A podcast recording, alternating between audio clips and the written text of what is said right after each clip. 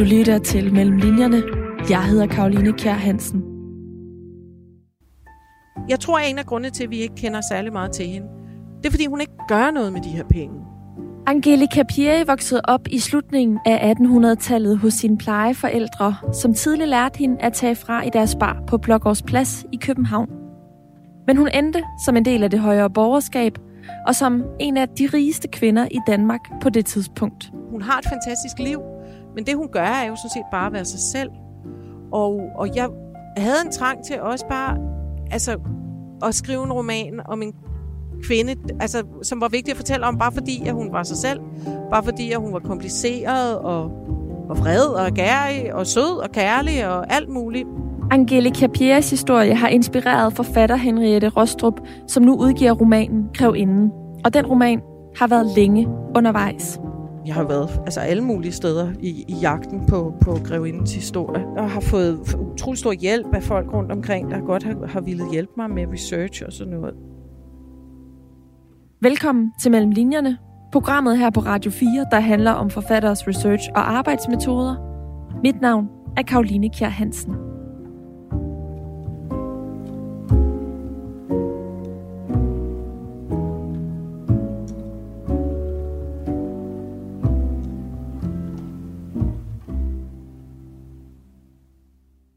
Henriette Rostrup, vil du ikke fortælle lytterne, hvad det er, vi står og kigger på lige nu?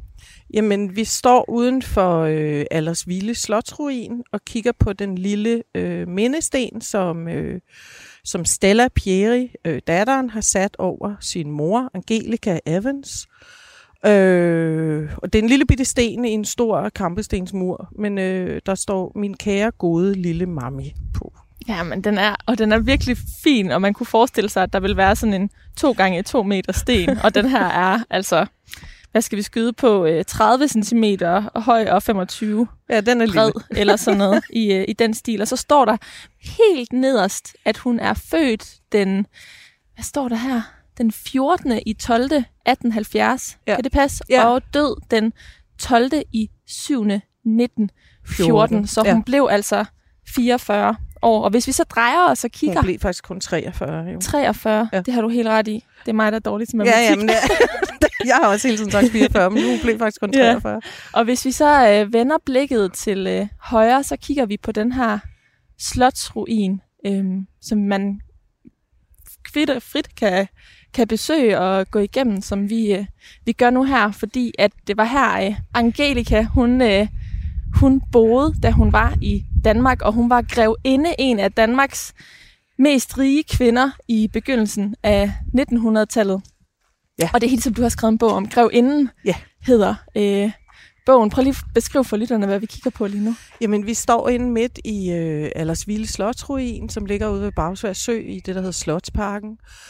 Og, øh, og det er kun øh, de ydre rå mure, der står tilbage. Øh, røde mursten. Øh, der er ikke nogen vinduer, der er ikke noget tag, der er ikke nogen øh, loftsetager. Det er understøttet af et stort jernstativ. Øh, huset var oprindeligt kalket hvidt øh, og meget, meget smukt, yndigt øh, slot fra 1700 hvidkål. Jeg kan ikke huske den præcise dato.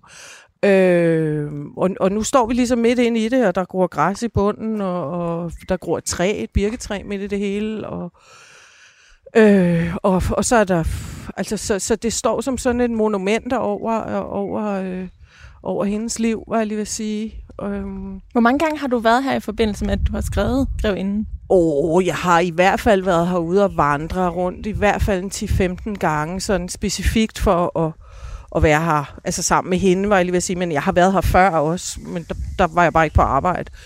Øh, men, men, øh, men jeg har været herude relativt meget. Øh, men jeg har været altså alle mulige steder i, i jagten på, på Grevindens historie. Øh, Og hvordan... Altså, hun er jo en af de kvinder, som jeg ikke havde hørt om, før jeg læste din nej, kommende roman, Grevinden, og som jeg er helt sikker på, mange andre ikke har hørt om. Ligesom Nej. at der er et, altså et flertal af kvinder, som jo i citationstegn er blevet skrevet ud af historien, og som nu bliver skrevet ind, og det har du valgt at gøre med Grevinden i en øh, romanform. Men hvordan kom du på sporet af hende? Jamen, jeg kom på sporet af hende, øh, fordi øh, for, for mange år siden, da jeg var stor teenager i start 20'erne, der ville min onkel, øh, som var film, som er filminstruktør, Kasper Rostrup og teaterinstruktør, han havde, øh, han, havde en, han kom og fortalte om den her historie, og havde en plan om at lave en film om hende. Øh, og så skete der alle mulige andre projekter, så, så, så det fik han ikke lavet. Men, men derfor har jeg ligesom i, i rigtig mange år haft hende inde i min bevidsthed, den her vilde historie. Jeg kunne ikke huske den rigtig ordentligt og sådan noget. Jeg kunne bare huske, at det, det var en ret vild historie om en, om en, om en kvindeskæbne. Øh, så, øh, og så var jeg herude, og, og jeg havde øh, gjort min forrige roman færdig, og, øh, og jeg var bare herude og gå en tur. Og, øh, og så en af de ting, jeg altid havde hørt om grevinden, altså Angelika, øh, var, at, at hun havde et utroligt dårligt forhold til sin datter. Og, og at hun faktisk ikke var særlig sød. Og så øh, går vi ind, og så får jeg øje på den lille mindesten. Øh, og så, øh, det, det, den ramte mig virkelig massivt. Der står ligesom min kære, gode lille mami. Og der kunne have stået hvad som helst. Men, det, men for mig altså, er det proppet fuld af kærlighed. Og der er altså en voksen datter, der har haft et behov for at, at sætte en sten med den ordlyd over sin mor. Og det, det er jo en helt mig. anden fortælling end det, er det nemlig som, en helt som anden du fortælling. gik rundt og troede på. Ja.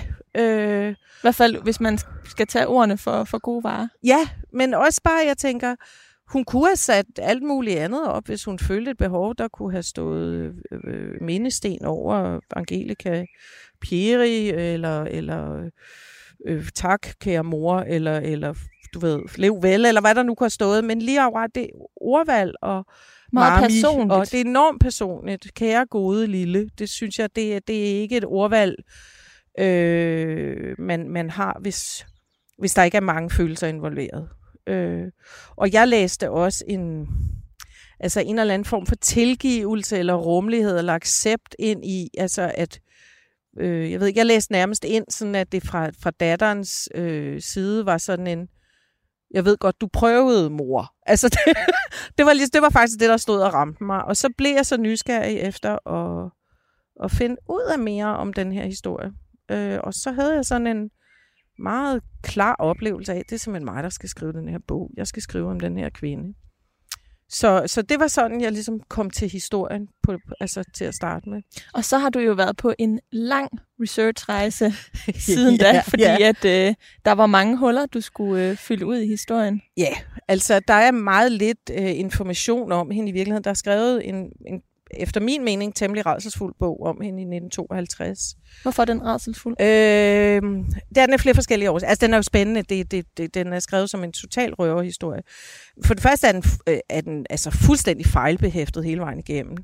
Og den nævner ikke, altså den er lavet som, den er skrevet som om, at det ligesom er den sande historie om, og en biografi. Men der er ikke en eneste kildehenvisning, der er ikke en eneste, du ved, øh, der er sådan nogle citater, som Madame X inde fra København sagde om hende, og sådan noget. Du ved, altså, det kan man jo ikke rigtig bruge til noget. Øh, den er utrolig fejlbehæftet med fakta, de få fakta, der rent faktisk er.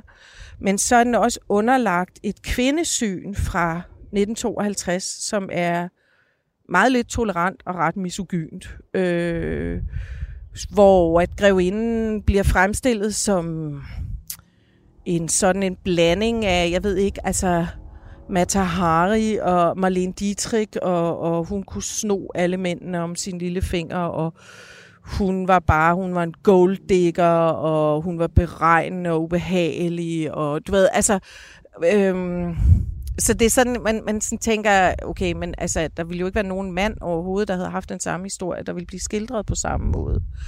Øh, så det var også en følelse af uretfærdighed, som, i som gav dig mod til at skrive den? I, høj, I høj grad. Altså, jeg havde lyst til altså ret tidligt, så kunne jeg bare virkelig godt lide hende. Altså hun, hun, er, ikke, hun er ikke nogen, altså nødvendigvis noget nemt menneske, og hun, hun klodrer også i og gør ting, som er uhensigtsmæssige og, og alt muligt, og hun er ikke altid sød ved alle mennesker og sådan noget. Men, men, øh, men jeg kunne vældig godt lide hende fra start af. Jeg gik i gang med ligesom at undersøge hendes historie. Øh, til dels fordi jeg læste den bog, men også hvad jeg sådan... Øh, oh, jeg ved ikke, altså det er jo også nogle mærkelige intuitive fornemmelser, man, man læser ind i ting, og jeg kiggede på billeder af hende, og jeg, altså, fandt alle mulige forskellige ting, og har fået utrolig stor hjælp af folk rundt omkring, der godt har, har ville hjælpe mig med research og sådan noget. Øhm, fordi der, der er ikke særlig meget information om hende reelt. Øh, blandt andet fordi slottet brændte. Ikke? Øh, så der er, altså der er, der er nogle fakta. Øh, hvornår blev hun født? Hvornår fødte hun sin datter?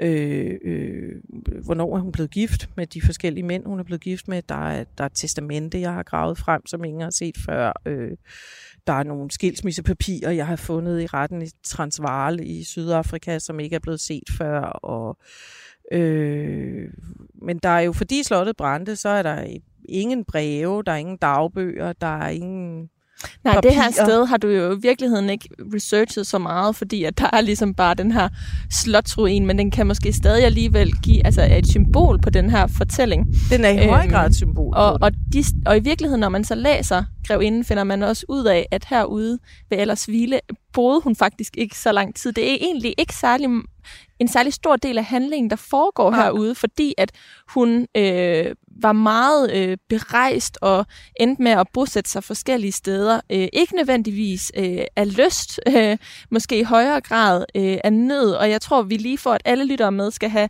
lidt flere ord på, hvem øh, Angelika er. Altså, øh, fordi hun har det her, øh, hun er født Pieri, tror ja, Pieri. Ja. ja, et italiensk navn. Ja. Øh, hendes far var italiener, og hendes mor var, var dansker. Ja. Øhm, men de forældre boede hun stort set heller ikke ved så lang Nej. tid. Det er også en, en fortælling om at blive bortadopteret. Så vil du ikke lige Altså, du har skrevet 658 sider om hende. Jeg, ved jeg skal nok lade være med at fortælle det. er ikke nemt. Men, men vil du ikke bare lige kort oprise hendes uh, historie, og måske sætte lidt flere ord på det her med, hvilket menneske hun så var? Altså, hvordan jo. det gjorde hende til den, hun, uh, hun blev? Altså, hun, hun starter med... Jeg har, min roman er jo en fiktion. Så jeg har, i romanen har jeg tilladt mig at rykke rundt på ting. Altså, og, og det har jeg skrevet lang, lang efterskrift om. Hvad, jeg, jeg ved godt, hvad jeg har rykket rundt på, hvad jeg vil sige. Men, men øh, hun bliver altså... Øh, hendes far er... Øh, er en relativt øh, hvad hedder sådan, øh, velfungerende italiensk øh, gipsstøber familie. Der er vist noget med, at, at hans far, tror jeg, havde arbejdet sammen med Torvaldsen på et tidspunkt. Det er sådan lidt noget jeg ikke har fået bekræftet. Noget mytisk. Ja, øh, jeg har snakket med nogen i familien på den anden fløj, der kunne fortælle mig det. Øh, men, men, øh, men han ville hellere være gadesanger, og gade. han var en bohem i virkeligheden. Og han, øh, han får altså to børn med, øh, øh, med Johanne, øh, og, og, så, øh, og så bliver han syg af tuberkulose og dør, da, da Angelica er to. Og, og det her det er for eksempel et eksempel på, hvordan at øh, den første bog fra 52 er fejlbehæftet, fordi der står det for eksempel, at hendes store bror Alfons er fem på det her tidspunkt, men han er faktisk en lillebror. Øh, altså, så det er bare sådan, du ved, der, der er utrolig meget, hun bare digtede. Øh, men i hvert fald så bliver de to børn, Angelika og Alfons, de bliver øh, sat i pleje hos to forskellige familier. De bliver ikke engang, følges ikke engang ad. Og hun kommer så i pleje hos øh, Mælketotti, bar ejerne på Blokkersplads øh, på Nørrebro som jo på det tidspunkt altså er, et, er indbegrebet af et arbejderkvarter. Og en mælketotti bar er altså et sted, hvor øh, mænd med hårdt fysisk arbejde går ned og får sig bogstaveligt talt altså en mælketotti. Et eller andet omgang alkohol med noget mælk i, sådan så man fik noget noget varme og noget, øh, noget fedtstof og noget protein, inden man gik ud og arbejdede hårdt. Mm. Ikke? Og her er vi i 1875, og det er faktisk ja. her, din øh, roman tager sin øh, ja. begyndelse. Ja. Hvorfor er det egentlig lige præcis, at det er der, du har valgt at begynde romanen? Øh, fordi jeg tror, at det præger hende hele resten af livet, øh, at, at hun bliver sat i pleje. Øh, også fordi en del af historien er, at hendes mor kommer jo ikke og henter hende. Hun, hun, øh, og, og, og, og de to mælkebar mælketotti-bar ejer, jeg tror simpelthen, at de er helt søde, de gør deres yderste, men, men, men det, vi var også i en anden tid. Vi var en tid, hvor alt, hvad vi snakker om med børneopdragelse og, og, og, og have lov til at have en barndom og alt muligt, det var jo ikke eksisterende, fordi hvis du var arbejder, så kom dine børn, de blev skulle sat i arbejde for ret tidlig alder, og hvis du ligesom var velhavende, jamen så var der guvernanter og nanny og, og, og man så måske sit barn cirka en time inden middagsmaden. Som regel spiste man heller ikke sammen med børnene. De var irriterende og sådan noget. Ikke? Og børnene så, skulle også ret hurtigt begynde at, at arbejde og tjene ja, til... Ja, ja, for fattige børn, ikke? Ja. De, eller arbejderbørn, de, de blev sat i arbejde i en tidlig alder. Ikke? De skulle, de, altså, også fordi, var jeg lige vil sige, altså, forældrene var på arbejde hele dagen, så hvis de ligesom ville holde øje med deres børn, så var de også med, ikke? Og så mm. kommer der selvfølgelig noget skolegang senere og sådan noget. Men der, hun vokser altså op i det her miljø, og hun er relativt agerig. Hun, øh, det er en myte, jeg ikke har kunne få bekræftet som sådan, men, men den passer meget godt til hende. Øh, hun sælger sine, hun broderer meget, øh, og sælger sine broderier ind til håndarbejdes fremme inde på Vimmelskaftet, mener jeg det er. Eller Nyøstergade, det kan jeg ikke huske. Men ind på strået. Øh, helt fra hun er 12, for at spare op til udstyr til, når hun skal giftes. Øh, men hun er også ung og yndig, og hun kan godt lide at feste, og hun kan godt lide alt muligt, og så bliver hun gravid uden for ægteskabet. Øh, I en, øh, jeg mener, hun er 19. Og, øh, og det gør hun med øh, rigsgreve Karl Valdemar von Sponik, øh, som, øh, som hun har mødt på et dansested, der hedder Kæden, inde i Borgergade. Og, og det er jo det, der gør, at hun bliver senere hen grevinde. Det er medvirkende og, til det. Og ja. Øh, får den titel i, ja. øh, i Danmark, men ja. der er en lang historie. Der, der, der er en meget lang historie. ja, hun boede faktisk øh, med Valdemar øh, her ved Allersro. Ja, øh, Allersvile ja. øh, Slotsruin, hvor vi sidder øh, lige nu. Ja, de boede her vel sammen i omkring fem år i virkeligheden, tror I jeg. I begyndelsen af 1900-tallet. Ja. Øh, fordi, men... det, fordi måske vi lige skal få, få lidt mere med på historien. Det, der sker, er jo, at hun øh, er nødt til at øh, få sit eget barn i pleje, ja, hun... ligesom hun også selv blev. Ja, hun føder sit eget barn øh, uden for ægteskab, og, og han vil ikke, altså han vil ikke giftes med Mælketotti, barejerens plejebarn fra Nørrebro. Og, og, og, det lyder heller ikke så øh, Det er ikke så, så, så på den måde, du siger det på nu. ædeligt og fint, altså. Og, øh, og så sætter hun altså det her barn i pleje, og bliver sendt øh, i huset i, i i præstegården i Vonsil uden for, for Kolding. Øh, og, øh, og det er jo, så kommer hun væk fra, fra de, de farlige miljøer ind i byen, ind i København, og hun skal tjene, men det er jo også altså en øvelse, hvor hun kommer rigtig langt væk fra sit eget barn. Øh, og der arbejder hun øh, i denne her lille, lille by Vonsil, og øh, som altså i parentes bemærket er sjov, fordi at man tænker, jamen, hvorfor lige der? Men, men præstegården og præster, pastor Mørk Hansen, han, øh, han er en meget indflydelsesrig præst, blandt andet i alt det her med grænsesagen, fordi øh, at Vonsil Kirke er på det tidspunkt den sidste kirke inden den tyske grænse, den daværende tyske grænse. Øh, og, eller var, eller nu kan jeg ikke engang huske historien. 1864. Jo, og øh, og derfor så øh, samler han omkring sig øh, en masse interessante mennesker, han synes er spændende og interessante.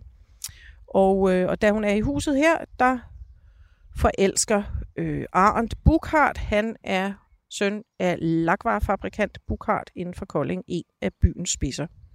Og det er han sådan set stadigvæk. Der, der, bliver, der er skrevet festskrifter i Kolding omkring øh, lakvarefabrik, lakvarefabrikant, eller fabrik og alt muligt. Fordi det er en, en stor virksomhed, og, og så vidt jeg ved, så er det sådan noget med, at han opfandt faktisk det, som vi alle sammen bruger som guldlak.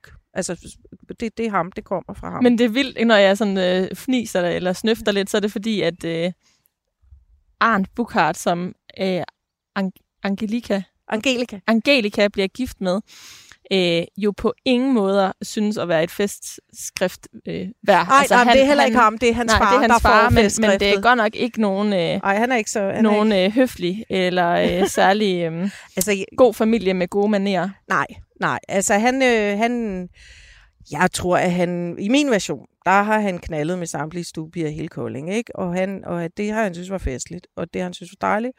Og, og han, det er egentlig det, han også gerne vil med Angelika. Men Angelika har jo lært sin lektie efter øh, at have fået et barn uden for ægteskab. Så hun vil ligesom ikke, hun vil ikke noget med ham, før at, at øh, der er et eller andet bevis på, at han har øh, de rette intentioner. Og, øh, og så bliver han, så er han jo typen, som synes, at, at øh, det er meget interessant med en, der ikke vil. Øh, og i hvert fald så ender det med, at, at, øh, at de bliver faktisk gift. Øh, øh, Arns far, som også hedder Arndt, Arndt senior, han, han opdager det og siger så til sin søn, jamen så må du gifte dig med hende. Altså, øh, og, øh, og de bliver gift ved, ved blandt, altså der er et øh, øh, billede af hende i brudekjolen. Hun bliver gift i hvid blonde med langt slæb. Og på det her tidspunkt, der bliver man altså, medmindre man er ekstremt velhavende, så bliver man gift i øh, mørkeblåt eller sort øh, i godt gedin stof, sådan så kjolen kan genbruges. Så alt det her med hvide blonder, det er sådan en moderne ting og, og, og, og en meget velhavende ting. Og hun bliver altså, og de bliver hvide i, i øh, hedder den Sankt Nikolaj Kirke i Kolding, mener jeg, den store kirke. Og, og, og, og det, der bliver lavet stor fest, og det, det skal sørge ikke hedde sig. Det er et fint bryllup. Og det Men- vidner jo om den stand, hun bliver en del af, og det er jo ret stort for den her unge kvinde, at Ja, ja. skulle blive en del af en så velhavende familie, ja. når hun jo hele sit liv, og også med den forrige mand, som hun har fået Stella med, altså Valdemar, som hun senere bliver gift med alligevel, er jo altså mere eller mindre har fået at vide, at hun ikke er særlig meget værd. Ja, ja, fuldstændig. Og, og hun er jo også, hun er lykkelig. Hun, hun, er, hun har jo forelsket sig i Arndt, og hun, hun tror, at øh, hendes lykke er gjort. Og så sker der det, at til brylluppet, så ligger der øh, to enkeltbilletter øh, til Sydafrika under suppetallerkenen. Og det har jeg snakket med familien Burkhardt om, og fået en, en, en, en voksen søn nu, som er altså hvad, fjerde generation ned for her, øh, og har bekræftet, at det er i hvert fald en myte i deres familie også, at der lå, ligesom de her billetter lå under suppetallerkenen til, til bryllupsfesten. Så de bliver altså skibet afsted til Sydafrika. Ja, det er en øh, envejsbillet. Det er en enkeltvejsbillet, Ja. det er ikke meningen, de skal komme hjem igen. Og øh, Så går det helt galt. der går det galt. I, øh, det, i Cape Town, det, fungerer, hvor de, det øh, hvor de fungerer ikke så godt. Øh, altså, og det, øh, og det er jo for eksempel igen en af, af de ting, som jeg har måttet researche mig frem til, fordi at den, den officielle fortælling er ligesom, at øh, Arndt var en mere svag og skrøbelig sjæl, og Angelica, hun var stærk og, og, og kunne bare håndtere det hele. Og så hed det ligesom, at du ved, Arndt gik til grunde. Han kunne ikke klare Sydafrika, det var for hårdt for ham. Og Angelica, hun fandt sig bare en ny mand. Det er, lig- det er ligesom den officielle fortælling.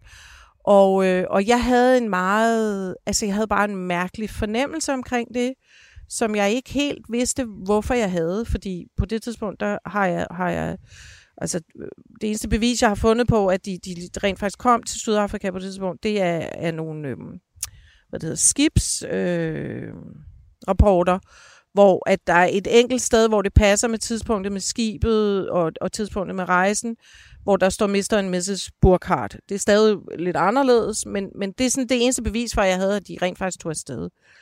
Øh, så, så hvorfor jeg havde en fornemmelse af, at det var forkert, det ved jeg egentlig ikke. Men øh, så var jeg i, øh, jeg havde fået et rejselegat til Statens Kunstfond, tak for det. Øh, og så var jeg taget til Johannesburg, øh, Som hun flygter til. som hun flygter til på et senere tidspunkt, men som hun havner i. Og, og, først, og, og, og, og, og jeg ved faktisk heller ikke, om de var i Cape Town i længere tid. Okay. Men de lander i Cape Town, det er de nødt til. Så det er simpelthen et hul, du Det udfylder er et hul, der. jeg udfylder. Øh, men højst sandsynligt, og, og det udfylder jeg ud fra min research, fordi at det sted, som de i romanen ender med at bo, District 6, det var simpelthen der, altså at, at tilflyttere øh, fra hele verden kom til at, at bo. Og øh, rigtig mange kom jo videre ind i landet, fordi der i, skal jeg tænke mig om, nu skal jeg huske, i 76 1876 er der fundet diamanter i Bloemfontein, og i Kimberley, midt i Johannesburg, og i 1888 blev der fundet guld i Johannesburg. Så på den led, så er, er ellers så har det jo bare været landbrugsland. Og, og, eller land, altså, og hunter-gatherers, stammer og alt muligt. Øh, men, og ikke særlig opdyrket i øvrigt. Og Cape Town er ligesom, Cape Town er det, der er en by. Øh, og, og, og Kimberley og Bloemfontein og senere hen Johannesburg, de er jo lige netop opstået som nye byer. Der er enormt mange tilflytter blandt andet fra engelske minebyer, der kommer der til simpelthen for at arbejde i minerne. Der er mange, der vil prøve lykken af. Der vil prøve lykken, Ja. simpelthen. Men det har jeg enormt svært ved at forestille mig, at det var det, der var planen med Arndt og Angelica, fordi at, at Arndt er ikke, altså han er ikke minearbejder, han er en, en, en, en, en fin dreng fra en dyr familie. Øh, så, så jeg forestiller mig, at de er kommet der til med en vis portion penge også, til ligesom at skulle etablere noget. Øh, og det er det, der mislykkes. Øh, og, øh, øh, og så da jeg var, nej, ja, da jeg var i Johannesburg første gang, så øh, der, der kom jeg i kontakt med nogle meget fantastiske mennesker, som øh, både viste mig rundt i de historiske dele af Johannesburg. Der er meget lidt tilbage, fordi Johannesburg er en pengeby. Det vil sige, at hver gang noget er for gammelt til at, og, du ved, fungere ordentligt, så river man bare, så river man bare skidtet ned og bygger noget nyt. Der er ikke ligesom særlig meget bevaringstanke øh, og har ikke været særligt under apartheid, har der slet ikke været det. Så der, så der er faktisk meget lidt tilbage af, du ved, den, de gamle børsgader og alt det der. Men han viste mig rundt, Malcolm, og, øh, og så har jeg senere hen kunne bruge dem til at, at finde ting i arkiver, øh, da jeg tog, fordi jeg var der kun i 14 dage, og der, det kan man ikke. Jeg var på, jeg var på øh, fotoarkivet, billedarkivet på Museum Africa, øh, hvor jeg fik stor hjælp, fordi intet i Sydafrika er digitaliseret, hvis ikke det handler om apartheid. Alt andet historisk er stadigvæk altså helt gammeldags. Hvordan fandt du så frem til dem, du havde brug øh, for hjælp? Øh, øh, altså, Janet og Malcolm fandt jeg simpelthen frem til, fordi at jeg havde besluttet mig for, at jeg ville gerne på en safari. Fordi jeg tænkte, da, da Angelika og Arndt kommer til Sydafrika, der er der jo ikke reservater, der er der jo ikke dyrereservater. Der, de, de her dyr, de er der, de er altså lige uden for byerne. Og, og jeg tænkte, um, altså vi andre, vi har jo været i zoologisk have og set en elefant, og vi har set en dyrefilm, hvor en løve nedlægger en gazelle og alt muligt. Men hvis du kommer fra Kolding i 1893, så har du højst set en stenløve eller en tegning et eller andet sted. Og for mig var det helt usandsynligt overvældende at se den sydafrikanske natur, som, hvor altså alt er i størrelsesorden gange 400. Øh, og, og det er virkelig overvældende at se en flok øh, gazeller piske afsted, og en løve, der løfter hovedet og kigger på dig. Og, og, og så kunne jeg ligesom kun forestille mig, hvis det er overvældende for mig, der jo sådan set vidste om det, hvordan må det så ikke være, hvis du aldrig nogensinde har set det, hvis du ikke forstår det, hvis ikke du forstår, hvor stor en elefant er, og alt sådan noget. Men jo selv mennesker med, af andre nationaliteter var jo altså noget, øh, noget helt nyt at opleve. Hun har aldrig set et sort menneske. Altså, hun, hun har... Så, så, øh, så, så på den led, så tænkte jeg, jeg det, det nytter ikke kun at lave ligesom sådan historisk research. Nu skal jeg i arkiver og sådan noget. Jeg må også mærke efter. Jeg må prøve at øh, at være der. Og Sæt så, dig i hendes sted, ja, som da hun i en eller anden, altså 100 år efter, eller 120 Men er det, år var efter. det ikke svært? Var det ikke udfordrende? Jo, det, jo på sin vis. Altså, nu, nu er man jo heldig stillet som forfatter, at man faktisk har en indlevelsesevne, som er god. Øhm, jeg, har, jeg har altid godt lige meget, hvilket, også når jeg skriver samtidsromaner, jeg kan utrolig godt lide, og meget af min research består i at være det sted, hvor det foregår. Øh, fordi man får altid enormt meget foræret øh, omkring lyset, eller for eksempel i Johannesburg.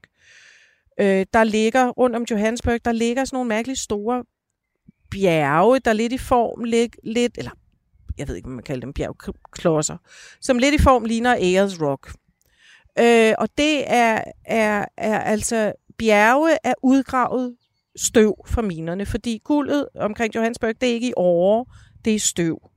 Og man finder det ikke sådan, som man har set du ved, i USA, hvor de står og ligesom med, med vandet ned i floden og rasler guldklumper ud. Man finder det altså ved simpelthen at gå ned i, i, i minerne, så graver man en helvedesbunke øh, øh, jord op, eller hvad nu, og så, øh, øh, så knuser man det. Og så finder man alt guldstøvet, og så fordeler man det. Og, øh, og alt, det, alt det jord, der ligesom er kommet ud af, eller alt det, der er gravet op af minerne, det har man så altså, parkeret i sådan nogle kæmpe bjerge rundt om øh, af støv grundlæggende. Øh, og så har man jo efterhånden fundet ud af, at, øh, at de første processer, de var jo ikke helt gode nok, så man har været alle de her bunker igennem og fundet mere og mere guld og alt muligt. Og de ligger der ligesom. Og så, når vinden er en bestemt retning, det oplevede jeg en dag, så er der noget af det her støv, der ligesom fyrer ind over byen. Og det har jo været 10 gange værre dengang. Øh, og så lugter det helt særligt. Jeg kan slet ikke forklare, hvordan det lugter. Det har en helt særlig... Selvfølgelig lugter det støv, men det lugter også metallisk, og, det er sådan, og så går man rundt i en stor moderne by, og man tænker, hvad fanden er det, der lugter af? Og så lugter der simpelthen af guldminedrift. Det, det, det er det jo kan helt du ikke vildt her, til. 100 år efter Nej, os, at det altså, stadig hænger i, i luften. Det gør det. Altså, og du, jamen, der er stadigvæk, altså, øh, den ene mine, Geduld Mine, som, som mineinvestoren, hun møder senere, investeret i i sin tid. Den findes jo stadigvæk. Det er Sydafrikas, jeg mener, det er Sydafrikas største guldmine, som er, som, som er fuldstændig latterlig, dyb og stor og vemmelig på alle mulige måder, som de altså stadigvæk graver guld op af. Mm. Ikke? Det er Adolf Gertz, som, Det er Adolf øh, Gertz, ja. som, som investerer i den, øh, i, Ja. i den tid, hvor at øh, Angelica hun også er dernede. Øhm, han er altså han er næsten den, den eneste person, der virker smart af de mænd, hun er sammen med i hvert fald. Altså også modsat Valdemar, som hun tager... Nej, hvad hedder det? Arn, som hun tager derned med. Ja, ja. Altså han, øh, han er rent faktisk... Øh, øh, har et godt hoved skruet på og er meget sympatisk. ja, han er den søde. er, det ikke, er det ikke godt at sige? Jo, jo, det synes sige jeg, sådan? det synes jeg er meget. Han er, han er ordentlig. Ja, og de Jamen- møder hinanden på sådan et sted, hvor hun øh, arbejder. Jeg vil lige gøre noget færdigt, fordi det, det, det, som Janet og Malcolm hjalp mig med, det var at gå i arkiverne i Transvaal, og, og der fandt de Arndt og Angelikas skilsmissepapirer. Og der fik jeg så bekræftet min mærkelige intuitive fornemmelse af, at det var ikke helt rigtigt, fordi der står simpelthen i skilsmissepapirerne. Det, var, det er faktisk ikke Angelika, der vil skilles, det er Arndt, der vil skilles. Og det siger noget om, hvordan det var at være kvinde i Sydafrika, fordi Arndt er hende utro, og han banker hende. Det står simpelthen i de her papirer. Øh, alligevel vil hun ikke skilles fra ham, fordi det er faktisk værre at være enlig kvinde i, i Sydafrika, end at være gift med ham. Ikke? Men de får faktisk en skilsmisse. Og så fandt jeg også papir på, han, han fortsætter sit liv, han bliver politimand, og han bliver gift med en sydafrikansk dame, der har et barn og alt muligt. Så jeg fandt ligesom ud af, hele den der fortælling om, at han gik til grunde. Han gik ikke spor til grunde, han klarede sig fint. Han var bare en røv. Øh, og, øh, så, så det var blandt andet altså noget af det, som jeg har gravet frem. Ikke? Og tilbage til Adolf Gertz. Øh, der digter jeg jo også gevaldigt meget. Men, øh, men han, er, han er sendt ud af, af... Han er ikke guldmine ejer, han er guldmine investor. Han er sendt ud af Deutsche Bank, hvor hans øh, svoger er, er direktør. Hans søster er gift ind i Siemens-familien, som er altså dem med symaskiner og vaskemaskiner og alt muligt. Og, og de Han er har- også sådan lidt blevet sendt afsted som han er også øh, lidt blevet sendt blev. afsted. Øh, altså af andre årsager. Øh, og der, ham ved man også meget lidt om. Øh, fordi der, det er sådan så i Johannesburg, der er der øh, dem, der hedder The Randlords, bliver de kaldt. Og The Randlords, det er de mænd, der har øh, penge i minerne.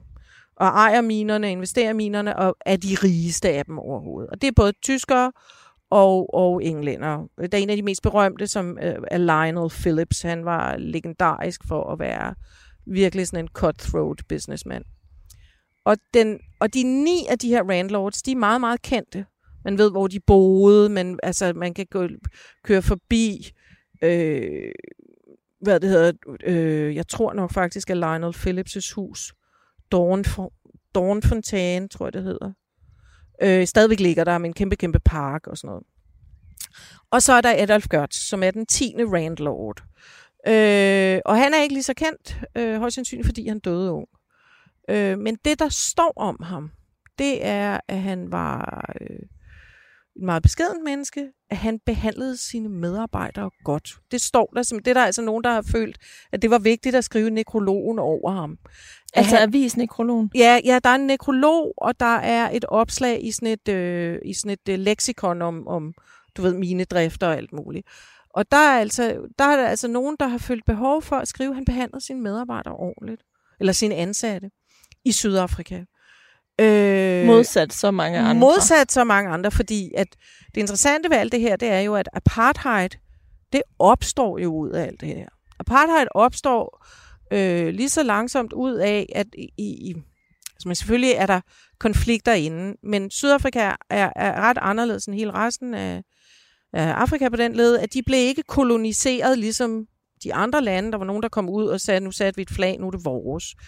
Øh, øh, men, og, og, og der kommer de hollandske foretrækkere, de kommer helt tilbage i 1601 eller andet, de er sådan set selv altså religiøst fordrevne fra Holland.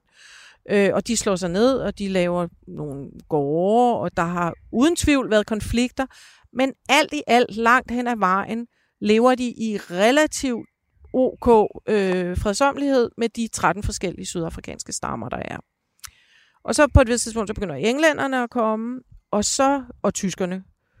Og så da øh, englænderne finder ud af, at der er guld og diamanter, så er det englænderne siger, nu er det vores. Og det er under Queen Victoria, og det ejer vi og alt muligt. Og så er det, der kommer første og anden boerkrig og alt det der, og The Jameson Raid, og der er alt muligt. Og det handler alt sammen om penge. Ikke? Det er rendyrket kapitalisme, det bringer krig med sig og alt muligt. Men det, som det også bringer med sig, det er, at i starten, så har de faktisk ikke noget problem med at få minearbejdere øh, blandt øh, de afrikanske stammer. Der er masser af unge mænd, der tænker, det er fint, vi, vi kan da godt arbejde lidt i den der mine. Så forlader de øh, øh, landsbyen, og så arbejder de i minen måske to måneder, måske seks måneder. Så tager de tilbage til familien og til stammen, så de tjener nogle gode penge, så, øh, så, så kan de gøre det på den måde. Men det er dårligt business for minen, for så skal de hele tiden ligesom oplære nye og alt muligt. Så derfor så begynder apartheid-lovgivningen lige så fredsomligt og snigende og grimt ved, at man begynder at lave restriktioner for, hvad de sorte må. Øh, de må ikke eje køre længere.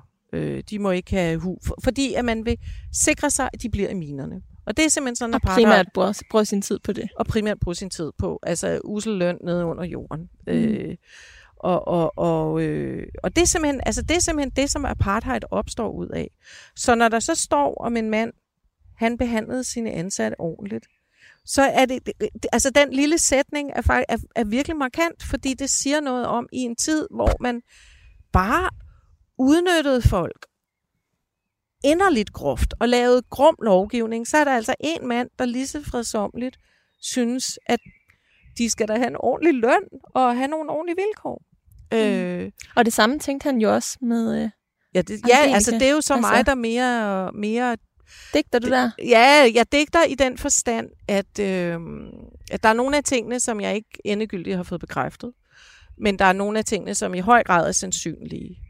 Men for eksempel en af de ting, som, som jeg har fundet ud af i forhold til den oprindelige myte, det er, at de bliver jo ikke gift. De bliver aldrig gift. Øh, men var, det, det, var det en myte, at de blev gift? Ja, ja. ja, okay. ja. Altså det, den er helt, det står også i den der... Øh, i den der bog fra 52 og sådan noget. Hun blev gift med ham, ikke? Det er det, det hedder så. Og de har jo haft et forhold af en eller anden art. Det har de, det er der ingen tvivl om, og det har været kærligt og rummeligt og alt muligt. Men i en af de her øh, omtaler, der står der, at det er hans husholderske, der arver arve ham. Og i testamentet, der står der hendes fulde navn. Øh, Maria Angelica, åh, oh, jeg kan ikke huske det sidste. Pie, nej, Burkhardt. Pierre Burkhardt, tror jeg, der står i hele testamentet. Øh, så, som jo er det klare bevis på, at de er ikke gift. Fordi ellers ville der jo stå min hustru, eller, eller i hvert fald Gørts til efternavn. Øh, og senere hen på hvilesesattesten, hvor hun blev gift med, med, med Valdemar, der står der også stadigvæk Burkhardt. Øh, men øh, men den, den myte om, at, at hun er gift med, med Gørts, den har altså levet i bedste velgående, indtil at jeg nu kommer med min bog og siger, at det var hun altså ikke. Nej. Øh, men det passer jo også meget godt ind i billedet af, at hun havde så mange mænd, og hun, hun øh, gik fra den ene til den anden og blev gift i tid og utid. Altså hun ja, blev ja, faktisk hun forlod ikke... Stakkels Arn, der gik til grunde. Ham forlod ja. hun bare for en guldmine investor, der, du ved, altså...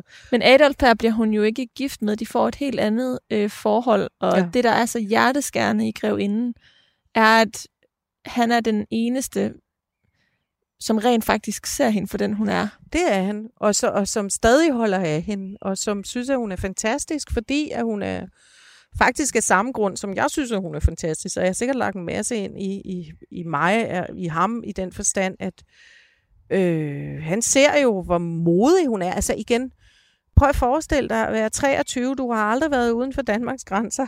Du har været i København og i, eller i Vonsild. Og så tager du afsted til Sydafrika. Altså, jeg mener, og du klarer den, du klarer den rent faktisk, altså på, på, med alt, hvad der skal til, men, men øh, hun har været så sej, jeg synes, hun har været så modig, altså. Mm.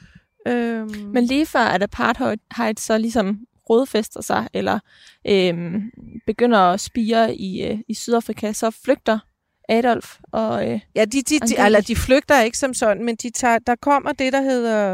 Jeg har også rykket lidt rundt på, på, på tidspunkterne, men, men øhm, der, der øh, rigtig mange af englænderne var utilfredse med, at en stor del af tyskerne sad på øh, guldminerne.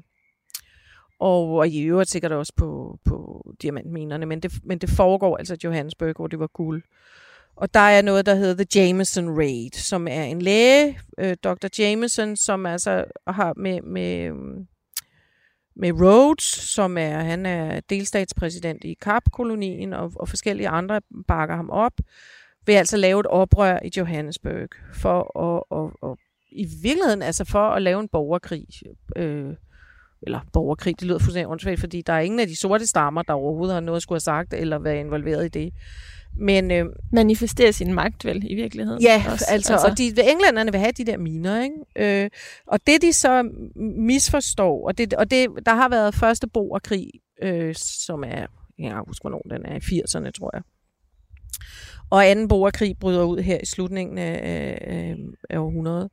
Og, øh, og det, som Gertz, han gør, det er, at han, altså, han siger, ser sit snit til at sige, jamen, altså, så behøver jeg ikke at være her. Jeg gider sgu ikke, altså, jeg, det er ikke min kamp. Jeg har bare for at investere. Jeg har ikke, der er ikke noget af det, han ejer. Vel, han ejer faktisk nogle, en del af det der geduld mine, øh, som han har købt sammen med, jeg tror faktisk, det er Lionel Phillips og ham. De begge, de køber en del af præsident Kruger, som ejer som er, er øh, delstatspræsident i, i Transvaal. Og, øh, og det er vist det eneste, han ejer. Resten er ligesom investeringer. Øh, men, men han siger ligesom, jamen, al, fordi alle, at under borgerkrigen, så lukker alle minerne jo. De kan ikke drive minedrift eller noget som helst. Og han, de siger så bare, det er fint, altså her gider vi ikke at være mere. Han har et kæmpestort uh, mansion house i London, og han, så de tager tilbage til Europa øh, og, og rejser rundt. Og, og, og det har jo gjort, at du også skulle til London. Det gjorde jeg også skulle til London, og jeg har også været på gaden som St. John's Wood Park, hvor uh, The Mansion House lå ude i St. John's Wood, og, øh, og det er nu, det er ret forfærdeligt, jeg har været i, jeg har været i kontakt med et sådan et bevarings, hvad hedder sådan noget, arkitekturbevaringsforening i London, som havde alle øh, arkitekttegningerne af hele St. John's Wood Park, øh, gaden, øh, fordi den er revet ned. Og der lå altså det ene efter det andet fantastiske store palæ, og nu ligger der en hel masse små grimme britiske rækkehuse fra 50'erne. Øh, og der har man altså, det har altså været i sådan noget byudvikling, man har synes, at de der store kasser, det var, nu skulle det være et arbejderkvarter. Og, øhm, Kunne du så godt alligevel få noget ud af at tage dig over og ja, være der? Ja, fordi jeg synes, at det, noget af det, der var... Øh, for det første skete der det, da jeg var derovre, det var, at jeg øh, kom i kontakt med en kunsthistorie... Nej, jeg slog en arkivar øh, på National Archives, øh, som hedder Melinda Hornton. Og hun var barnebarn af Gustav Meyer, som jeg i romanen faktisk kun har gjort til en bejler, men han var hendes tredje ægtemand, Gustav Meyer, og han boede faktisk også på Allers Hvile med hende. Øh, og øh, hun var så barnebarn, han fik, øh, efter han blev skilt fra, fra Angelica, så fik han et nyt ægteskab, og, som hun var barnebarnet af. Hun har aldrig mødt sin, sin morfar, men, men hun kunne øh, fortælle et og andet, og hun kom så blandt andet, hun var sådan en meget typisk britisk dame i sådan noget Liberty blomstret med strik cardigan og, og sådan en, du ved, sådan en grå øh, kasserolle, hår og, og, og helt yndig og sød ældre dame. Og så da vi havde snakket, så, så siger hun, at min mor og jeg har for øvrigt noget til dig. Og så tager hun sådan en marmeladeglasformet ting op, der er pakket ind i toiletpapir. Jeg tænker, ej, åh oh gud, har de lavet marmelade til mig?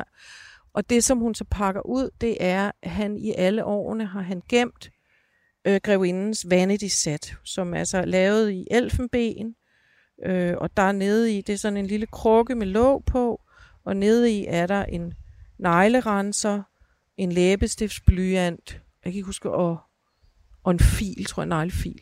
Og der er faktisk stadigvæk rød læbestift på læbestiftblyanten. Nej, hvor fint. Øh, og der er den nitakkede grevinde eller grevekrone i, i Ej, følte du ikke på. helt det sådan, at hun at Jo, hun det var kom meget, til den står oppe dig? på, sådan, på min hylde som sådan noget. Og det synes de, at, at det skulle jeg have, fordi nu skrev jeg en, en bog om og, og, og, og, og hvor de jo, og jeg har faktisk virkelig dårlig samvittighed over, fordi jeg har, han var, han var også en, i virkeligheden en ret sød ægte mand, og jeg har simpelthen en lille smule skrevet ham ud, eller jeg har skrevet ham om til en bejler.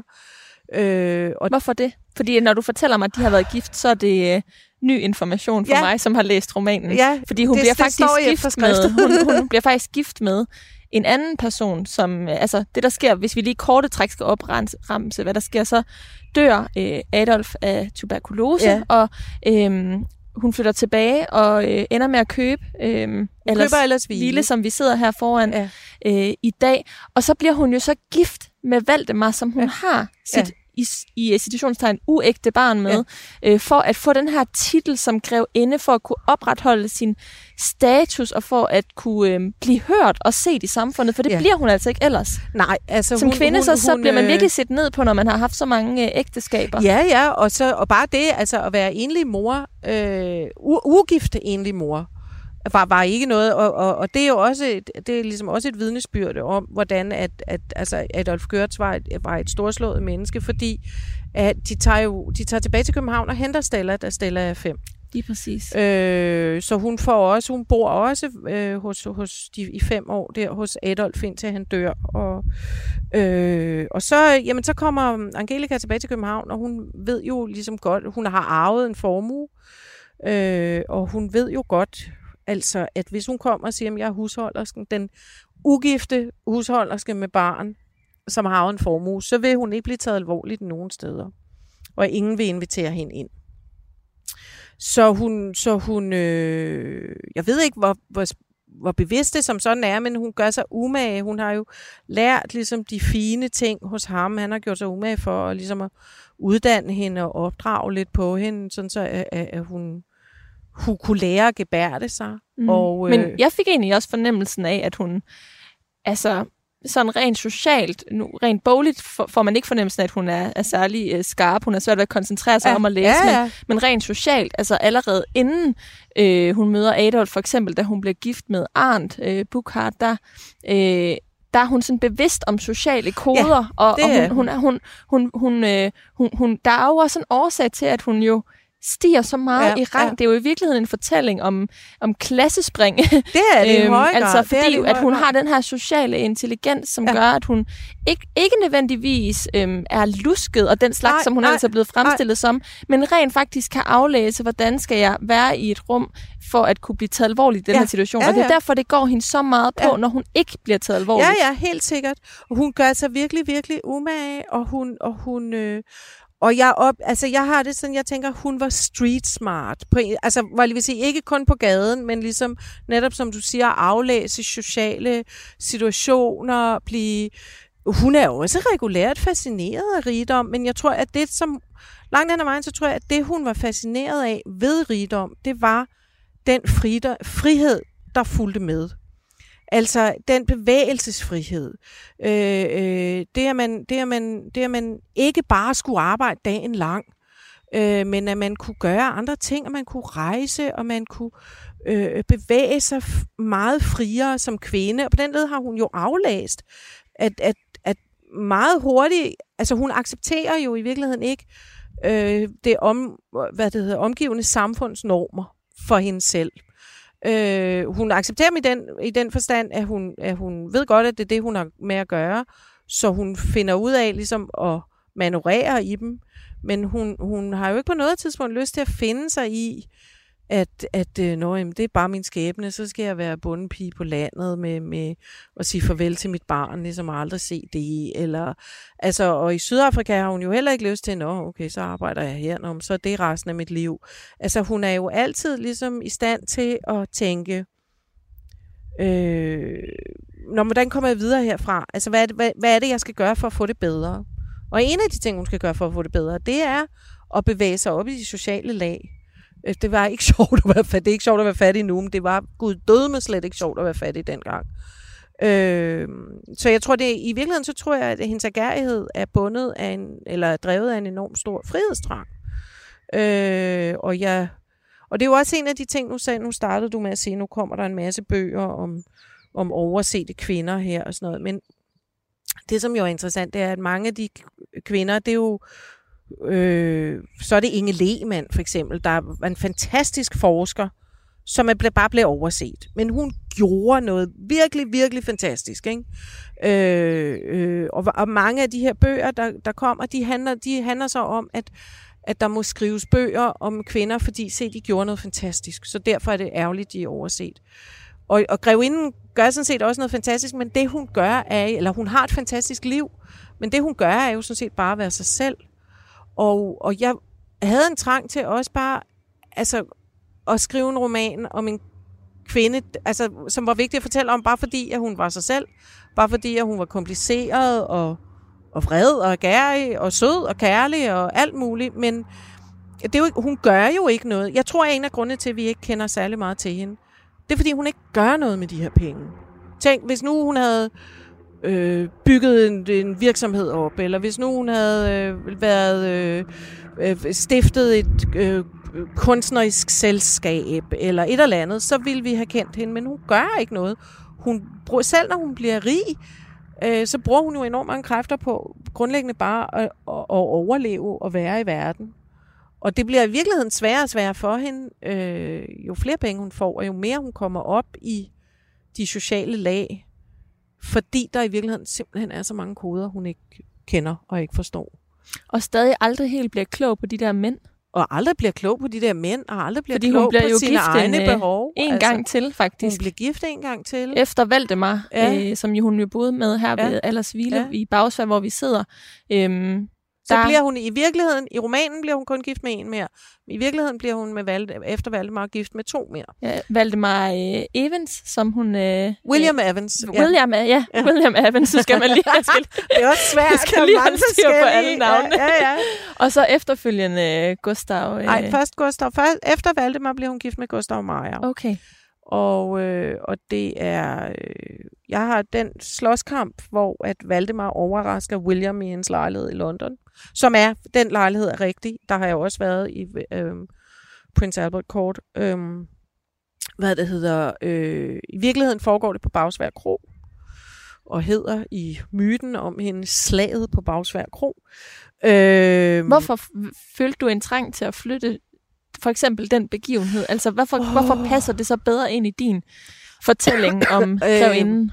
Altså, det, det er noget med... Det, øh, du, hvis du forestiller at du skal skrive, nu har du, som du sagde, 658 siders roman. Hvis jeg nu skulle have haft endnu en mand med, så var den altså blevet 758 sider lang i hvert fald.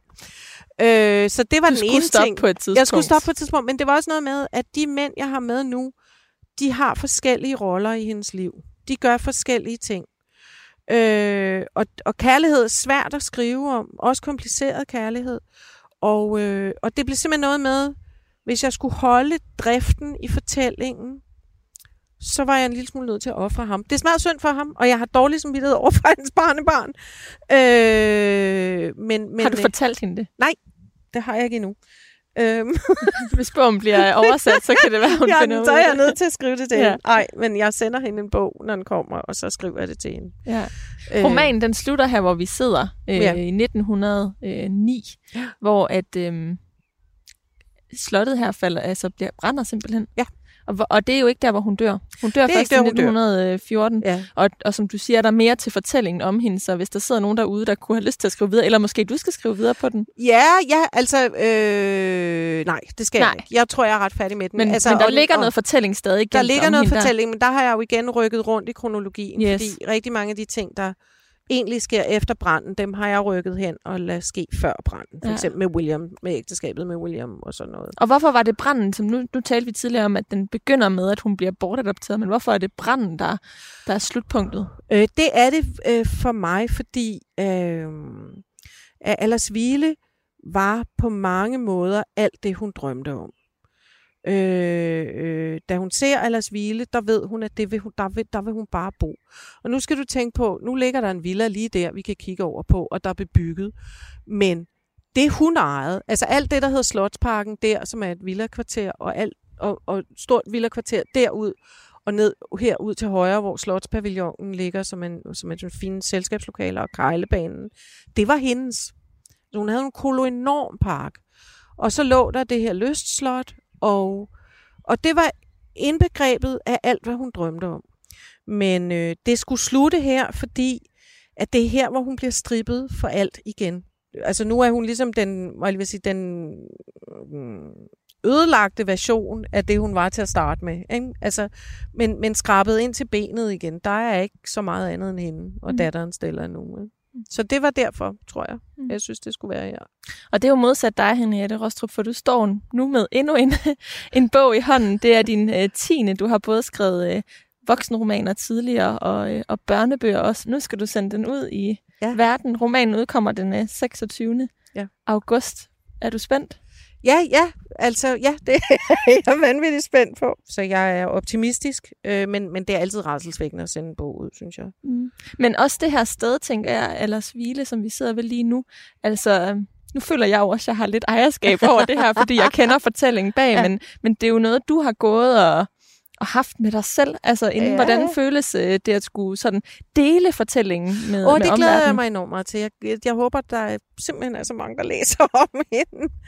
Øh, fordi jeg kan virkelig godt lide hende. Jeg synes, at hun fortjener al den, al den opmærksomhed, hun hidede efter det hele liv. Så synes jeg, den må hun gerne få, for min skyld i hvert fald. Tak, Henriette Rostrup, for at give hende opmærksomhed her ja. på Radio 4 i dag, i hvert fald i uh, Mellemlinjerne. Det var dejligt at høre om uh, din store researchproces uh, bag din nye roman, Grevinden. Tak for, at jeg må være med. Grevinden udkommer den 26. august på forlaget Peoples. Programmet her, det var tilrettelagt af mig. Jeg har også været din vært, og mit navn er Karoline Kjær Hansen. Tak, fordi du lyttede med.